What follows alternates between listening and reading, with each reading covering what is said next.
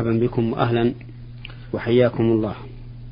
أولى هذه الرسائل وصلت من المستمع الذي رمز لاسمه بيا واو يا واو سين ميم من سوريا. يقول في رسالته يمر قارئ القرآن الكريم بآية السجدة فهل عليه السجود؟ وما هي القراءة التي يجب أن يقرأها في مثل هذه الحالة؟ وما كيفية السجود بشكل عام والحكمة منه؟ الحمد لله رب العالمين والصلاة والسلام على نبينا محمد وعلى آله وأصحابه أجمعين. سجود التلاوة إذا مر الإنسان بآية سجدة سنة وليس بواجب على القول الراجح. ودليل ذلك ما ثبت في الصحيح عن عمر بن الخطاب رضي الله عنه أنه قرأ على المنبر آية السجدة في سورة النحل فسجد. ثم قرأها في الجمعة الثانية ولم يسجد. ثم قال رضي الله عنه إن الله لم يفرض علينا السجود إلا أن نشاء. قال ذلك بمحضر الصحابة رضي الله عنهم ولم ينكر عليه أحد. ولكنها سنة مؤكدة. لا ينبغي للإنسان إذا مر بآية السجدة أن يدعها. وهي سنة للقارئ وللمستمع لقراءته. فإذا كان رجل يستمع إلى قراءة قارئ إلى جنبه ثم مر القارئ بآية السجدة وسجد فإنه يسن للمستمع أن يسجد. فإن لم يسجد فإنه أي فإن لم يسجد فإن لم يسجد القارئ فإن المستمع لا يسجد لأن سجود المستمع تبع لسجود القارئ. وإذا كان القارئ يقرأ في الصلاة فإنه يكبر للسجود إذا سجد ويكبر إذا رفع. هذا ما يدل عليه ظاهر السنة.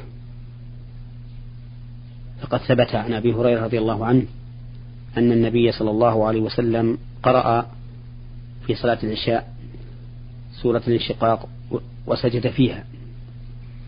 وثبت عن أبي هريرة رضي الله عنه وعن غيره من الصحابة رضي الله عنهم أن النبي صلى الله عليه وسلم كان يكبر في صلاته كلما رفع وكلما خفض. في كل رفع وخفض. وعموم هذا يشمل سجود التلاوة إذا كان في الصلاة. فإذا مرت بك آية السجدة وأنت تصلي فكبر واسجد. وإذا قمت من السجود فكبر. وسجود التلاوة يقال فيه ما يقال في سجود الصلاة. سبحان ربي الأعلى. سبحانك اللهم ربنا وبحمدك اللهم اغفر لي. اللهم لك سجدت لك سجدت وبك آمنت وعليك توكلت. سجد وجهي لله الذي خلقه وصوره وشق سمعه وبصره. فتبارك الله أحسن الخالقين. اللهم اكتب لي بها أجرا وحط عني بها وزرا واجعلها, واجعلها لي عندك ذخرا وتقبلها مني كما تقبلتها من عبدك داود. أما إذا كنت في خارج الصلاة فإنك تكبر للسجود ولا تكبر للرفع ولا تسلم. هذا هو القول الراجح. نعم. بارك الله واعلم نعم. نعم. واعلم أنك إذا مررت بآية السجدة في أي وقت كان من ليل أو نهار فإن المشروع لك أن تسجد حتى بعد العصر وبعد الفجر وذلك لأن كل صلاة لها سبب فإنها تفعل في وقت النهي وليس عليها نهي. ولهذا لو دخلت المسجد بعد صلاة الفجر وأنت قد صليت الفجر تريد الجلوس فيه لاستماع ذكر أو قراءة قرآن فلا تجلس حتى تصلي ركعتين. وكذلك لو دخلت المسجد بعد العصر لا تجلس لا تجلس حتى تصلي ركعتين. وهكذا جميع النوافل ذوات الأسباب. إذا حصل سببها في أي وقت من ليل أو نهار فإنك, فإنك تصليها. نعم. ثابكم الله فضيلة الشيخ. آه، رسالة وصلت من الدمام باعثها المستمع ميم يا ميم ميم. يقول في رسالته الطويلة أنا رجل في الخامسة والثلاثين من العمر وقد تزوجت امرأة تبلغ من العمر الخامسة عشرة. وقد تزوجتها وأنا في الثامنة والعشرين علما بأن هذه المرأة قد سبق له الزواج من شخص آخر ولم تبقى معه سوى ثلاثة أشهر فقط ولم تنجب له أي ولد. وقد تزوجتها من بعد طلاقها منه مباشرة وما تزال تعيش معي آه، مدة سبع سنوات. وقد أنجبت لي من الأطفال خمسة منهم ثلاث بنات وولدان. علما بأن حياتي معها سعيدة جدا وبعيدة عن المشاكل وعلما بأن هذه المرأة دينة. ولكن المشكلة بأن أقاربي وزملائي قد أعابوا علي مثل هذا وهزؤوني بالكلام بقولهم بأنني تزوجت امرأة ثيب.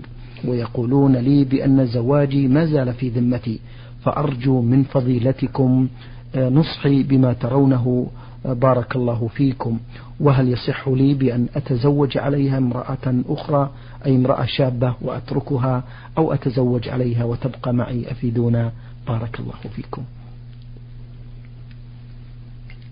آه، نفيدك نفيدك بأن زواجك بهذه المرأة التي قد تزوجت من قبلك لا بأس به ولا لوم عليك فيه وهؤلاء الذين يلومونك أو يعيبون عليك هم الذين يلامون ويعابون وليس لهم التعرض أو التدخل بين الرجل وزوجه وزوجته. وما أشبههم بمن قال الله فيهم فيتعلمون منهما ما يفرقون به بين المرء وزوجه. ونصيحتي لك أن تبقى مع زوجتك ما دمتما في سعادة وبينكما أولاد وألا تطمح إلى زوج أخرى لهذا السبب الذي عابك فيه من عابك من الجهال. والنبي عليه الصلاة والسلام أشرف الخلق اللهم صل وسلم. وأتقاهم لله وأشدهم عبادة له. أول كان أول ما تزوج من تزوج به امرأة ثيب وهي خديجة بنت خويلد رضي الله عنها. بل إن جميع زوجات النبي صلى الله عليه وسلم كن ثيبات سوى عائشة رضي الله عنها. فلا لوم ولا عيب على الإنسان إذا تزوج امرأة كانت ثيبا من من زوج قبله. وما دمت في سعادة مع أهلك فاستمسك بهم ولا تطمح لغيرهم. وأما تزوج الرجل على امرأته من حيث هو زواج فليس به فليس به بأس. فالإنسان له أن يتزوج بواحدة أو باثنتين أو بثلاث أو بأربع. ولكن كونه يتزوج من أجل لوم هؤلاء الجاهلين لا وجه له. وقبل أن أختم الجواب على هذا السؤال أود أن أنبه على كلمة جاءت في سؤاله وهي قوله وقد تزوجتها بعد طلاقها منه مباشرة. فإن ظاهر هذه العبارة أنه تزوجها قبل أن تعتد من زوجها الأول فإن كان ذلك هو الواقع فإنه يجب عليه الآن أن يعيد عقد النكاح لأن نكاح المعتدة باطل بالنص والإجماع. قال الله تعالى ولا تعزموا عقدة النكاح حتى يبلغ الكتاب أجله. وقد أجمع العلماء رحمهم الله على فساد نكاح المعتدة من الغير. وإن كان إن كانت هذه العبارة يراد بها بعد طلاقها منه مباشرة يعني وانتهاء عدتها نعم. فالنكاح صحيح ولا إشكال فيه. فأرجو أن ينتبه الأخ السائل لهذه المسألة. وإذا فرض أن الاحتمال الأول هو الواقع وأنه تزوجها بعد الطلاق مباشرة قبل انقضاء العدة فإنه يجب إعادة العقد كما قلت وأولاده الذين جاءوا من هذه المرأة أولاد شرعيون لأن لأن هذا أو لأن هؤلاء الأولاد جاءوا بوطء شبهة. وقد ذكر أهل العلم أن الأولاد يلحقون الواطئ بشبهة سواء كانت شبهة عقد أم شبهة اعتقاد. بارك الله فيكم فضيلة الشيخ. آه، رسالة وصلت من المستمع حميد السمرائي. يقول في رسالتها السلام عليكم ورحمة الله وبركاته. أود في البداية أن نتقدم بالشكر الجزيل لأصحاب الفضيلة العلماء ولدي بعض الاستفسارات. أرجو من فضيلة الشيخ الإجابة عليها. يقول هناك وسمعت سمعت من البعض أن هناك بعضا من سور القرآن الكريم تسمى المنجيات. آه، أي المنجيات من عذاب القبر. وهذه السور هي ياسين وعمة ونوح والواقعة وتبارك. نرجو صحة هذا يا فضيلة الشيخ بارك الله فيكم. لا لا يحضرني الآن عن هذا الحديث شيء ولعلنا نتكلم عليه إن شاء الله تعالى في حلقة قادمة. آه هذه رسالة وصلت من المستمع إبراهيم محمد البنداري مصري الجنسية ويعمل بالرياض يقول في رسالته لدي مشكلة حصلت معي وأريد الاستفهام عن تلك المشكلة وهي أنا رجل متزوج ومعي أولاد والحمد لله وفي يوم من الأيام حلفت يمين على زوجتي وحلفت كالتالي قلت لها علي عليه الطلاق لازم تخرجي من منزلي إلى منزل والدك وتقومي بالمبيت أي النوم هناك. بسبب نزاع نزاع معها ثم خرجت فعلا إلى منزل والدها ولكن الجيران أحضروها في نفس اليوم ولم تنام عند منزل والدها ونامت في منزلي في تلك الليلة. فهل علي يمين؟ وما المطلوب مني حتى لا أقع في يميني هذه؟ قبل الإجابة على سؤاله أرجو من الإخوة المستمعين بل ومن جميع إخوان المسلمين أن يتجنبوا مثل هذه هذه الكلمات. وأن لا يتساهلوا في إطلاق الطلاق لأن الأمر خطير وعظيم. وإذا أرادوا أن يحلفوا فلا يستهوينهم الشيطان. فليحلفوا بالله عز وجل أو ليصمتوا. والحلف بالطلاق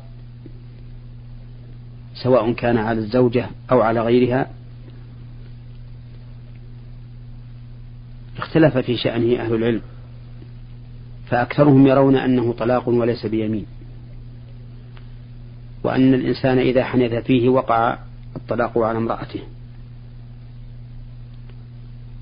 ويرى آخرون أن الطلاق أو أن الحلف بالطلاق إن قصد به اليمين فهو يمين وإن قصد به الطلاق فهو طلاق. لقول النبي صلى الله عليه وسلم إنما الأعمال بالنيات وإنما لكل امرئ ما نوى. وهذا السائل الذي قال لزوجته علي الطلاق أن تخرجي إلى بيت أبيك وتنزلي فيه و وتنزلي فيه أو تنامي فيه إذا كان غرضه بهذه بهذه الصيغة. إلزام المرأة والتأكيد عليها بالخروج فإنه لا يقع عليه الطلاق سواء خرجت أم لم تخرج لكن إذا لم تخرج فعليه كفارة يمين وهي إطعام عشرة مساكين أو كسوتهم أو تحرير رقبة فإن لم يجد فصيام ثلاثة أيام متتابعة. وإن قصد به الطلاق فإن خرجت لم تطلق. وإن لم تخرج أو خرجت ثم عادت فإنها تطلق. وإذا كانت هذه آخر طلقة له فإنها لا تحل له من بعد حتى تنكح زوجا غيره. فالمسألة إذن خطيرة فعليه وعلى غيره أن يحفظ لسانه وأن لا يتسرع في إطلاق الطلاق. وخلاصة الجواب أن نقول إذا كان هذا الرجل قصد بالطلاق أو بعبارة أصح قصد بقوله علي الطلاق اليمين فإن ذلك يمين له حكم اليمين إن حنث فيه فعليه الكفارة كفارة اليمين وإن لم يحنث فلا شيء عليه. وإن قصد به الطلاق كان طلاقا. فإذا حنث فيه وقع عليه الطلاق. وقع الطلاق منه على امرأته. نعم. ثابكم الله فضيلة الشيخ. رسالة وصلت من سوريا وأرسل بها المستمع محمد الطرشان دمشق يقول في رسالته ما حكم الشرع في نظركم فيما لو ذبح الإنسان خروفا وقال اللهم اجعل آه، ثوابه في صحيفة, في صحيفة الشيخ فلان بن فلان. هل في ذلك شيء من البدع؟ إذا ذبح الإنسان خروفا أو غيره من بهيمة الأنعام ليتصدق به عن شخص ميت فهذا لا بأس به. وإن ذبح ذلك تعظيما لهذا الميت وتقربا إلى هذا الميت كان شركا أكبر وذلك لأن الذبح عبادة وقربة والعبادة والقربة لا تكون إلا لله. كما قال الله تعالى قل إن صلاتي ونسكي ومحياي ومماتي لله رب العالمين لا شريك له وبذلك أمرت وأنا أول المسلمين. فيجب التفريق بين المقصدين فإذا قصد بالذبح أن يتصدق بلحمه ليكون ثوابه لهذا الميت فهذا لا بأس به. وإن كان الأولى والأحسن أن يدعو للميت إذا كان أهلا للدعاء بأن كان مسلما وتكون الصدقة للإنسان نفسه. لأن النبي صلى الله عليه وسلم لم يرشد أمته إلى أن يتصدقوا عن أمواتهم بشيء. وإنما قال إذا مات الإنسان انقطع عمله إلا من ثلاثة إلا من صدقة جارية أو علم ينتفع به أو ولد صالح يدعو له. ولم يقل يتصدق عنه أو يصوم عنه أو يصلي عنه. فدل هذا على أن الدعاء أفضل وأحسن. وأنت أيها الحي محتاج إلى العمل. فاجعل العمل لك واجعل لأخيك الميت الدعاء. وأما إذا كان قصده بالذبح لفلان التقرب إليه وتعظيمه فهو شرك. شرك أكبر لأنه صرف شيئا من أنواع العبادة لغير الله تعالى. أيضا فضيلة الشيخ في سؤاله الثاني يقول هل يجوز للمرأة أن تزيل الشعر من جميع أجزاء جسمها وهل يعد ذلك من التزين للزوج جواب هذا السؤال أن نقول إن إزالة الشعر شعر المرأة من بدنها ينقسم إلى ثلاثة أقسام نعم. القسم الأول منهي عنه بل ملعون فاعله وذلك النمص وهو نتف شعر الوجه كنتف شعر الحوائج الحواجب لترقيقها وتخفيفها. فقد ثبت عن النبي صلى الله عليه وسلم أنه لعن النامصة والمتنمصة. والقسم الثاني شعر مطلوب إزالته كشعر الإبطين والعانة. والقسم الثالث شعر مسكوت عنه كشعر الساقين والذراعين والصدر ونحو ذلك. فالأولى في هذا القسم الثالث المسكوت عنه أن لا يزال الشعر اللهم إلا أن يكون كثيرا تقبح به المرأة فلا بأس من تخفيفه. بل إن تخفيفه إذا كان أدعى لمحبة الزوج لها أحسن وأولى.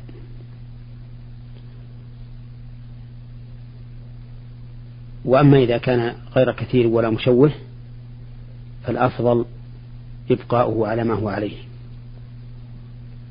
لأنه يخشى أن يكون داخلا في قوله تعالى عن الشيطان ولآمرنهم فلا يغيرن خلق الله. ولكن لا يصل إلى درجة إلى درجة الكراهة أو إلى درجة التحريم. أعني إزالة الشعر من الساقين والذراعين والصدر ونحو ذلك. لا يصل إلى درجة الكراهة أو التحريم لعدم ورود النهي, عنه. فهو من الأمور المسكوت عنها ولكن الأولى تركه إلا أن يقبح أن يقبح المرأة. نعم. وإنني بهذه المناسبة أيضا أحذر بعض النساء اللاتي زين لهن الشيطان سوء أعمالهن من إبقاء الأظفار وتطويلها. وبعضهن يطول ظفر الخنصر فقط. لأن ذلك خلاف الفطرة وخلاف ما وقته النبي صلى الله عليه وسلم لأمته. فإن النبي صلى الله عليه وسلم وقت لأمته في الأظافر والعانة والأبط والشارب للرجل ألا تترك فوق أربعين يوما. ومن العجب أن يزين الإنسان سوء عمله فيبقي هذه الأظافر التي تجمع الأوساخ والأنتان وتشوه المنظر وتلحق الرجل بمشابهة الحبشة. فإن الحبشة هم الذين يطيلون أظفارهم لتكون مدى لهم. قال النبي عليه الصلاة والسلام ما أنهر الدم وذكر اسم الله عليه فكل إلا السن والظفر. فإن السن عظم والظفر مدى الحبشة. فلا يليق بالإنسان أن يفعل هذا. ولا يترك الظفر ولا العانة ولا الأبط ولا شارب الرجل أكثر من أربعين يوما.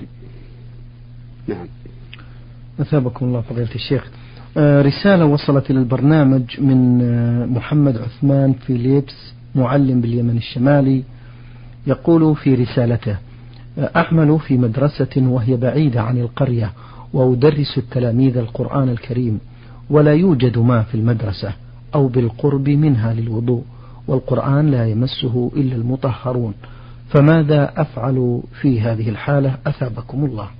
إذا لم يكن في المدرسة ماء ولا في قربها فإنه ينبه على الطلبة ألا يأتوا إلا وهم متطهرون.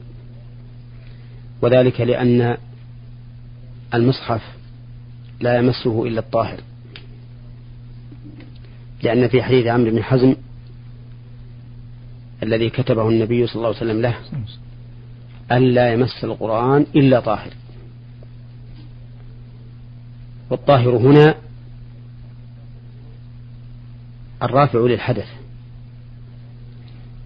بدليل قوله تعالى في آية الوضوء والغسل والتيمم ما يريد الله ليجعل عليكم من حرج ولكن يريد ليطهركم وليتم نعمته عليكم لعلكم تشكرون. ففي قوله ليطهركم دليل على أن الإنسان قبل أن يتطهر لم تحصل له الطهارة.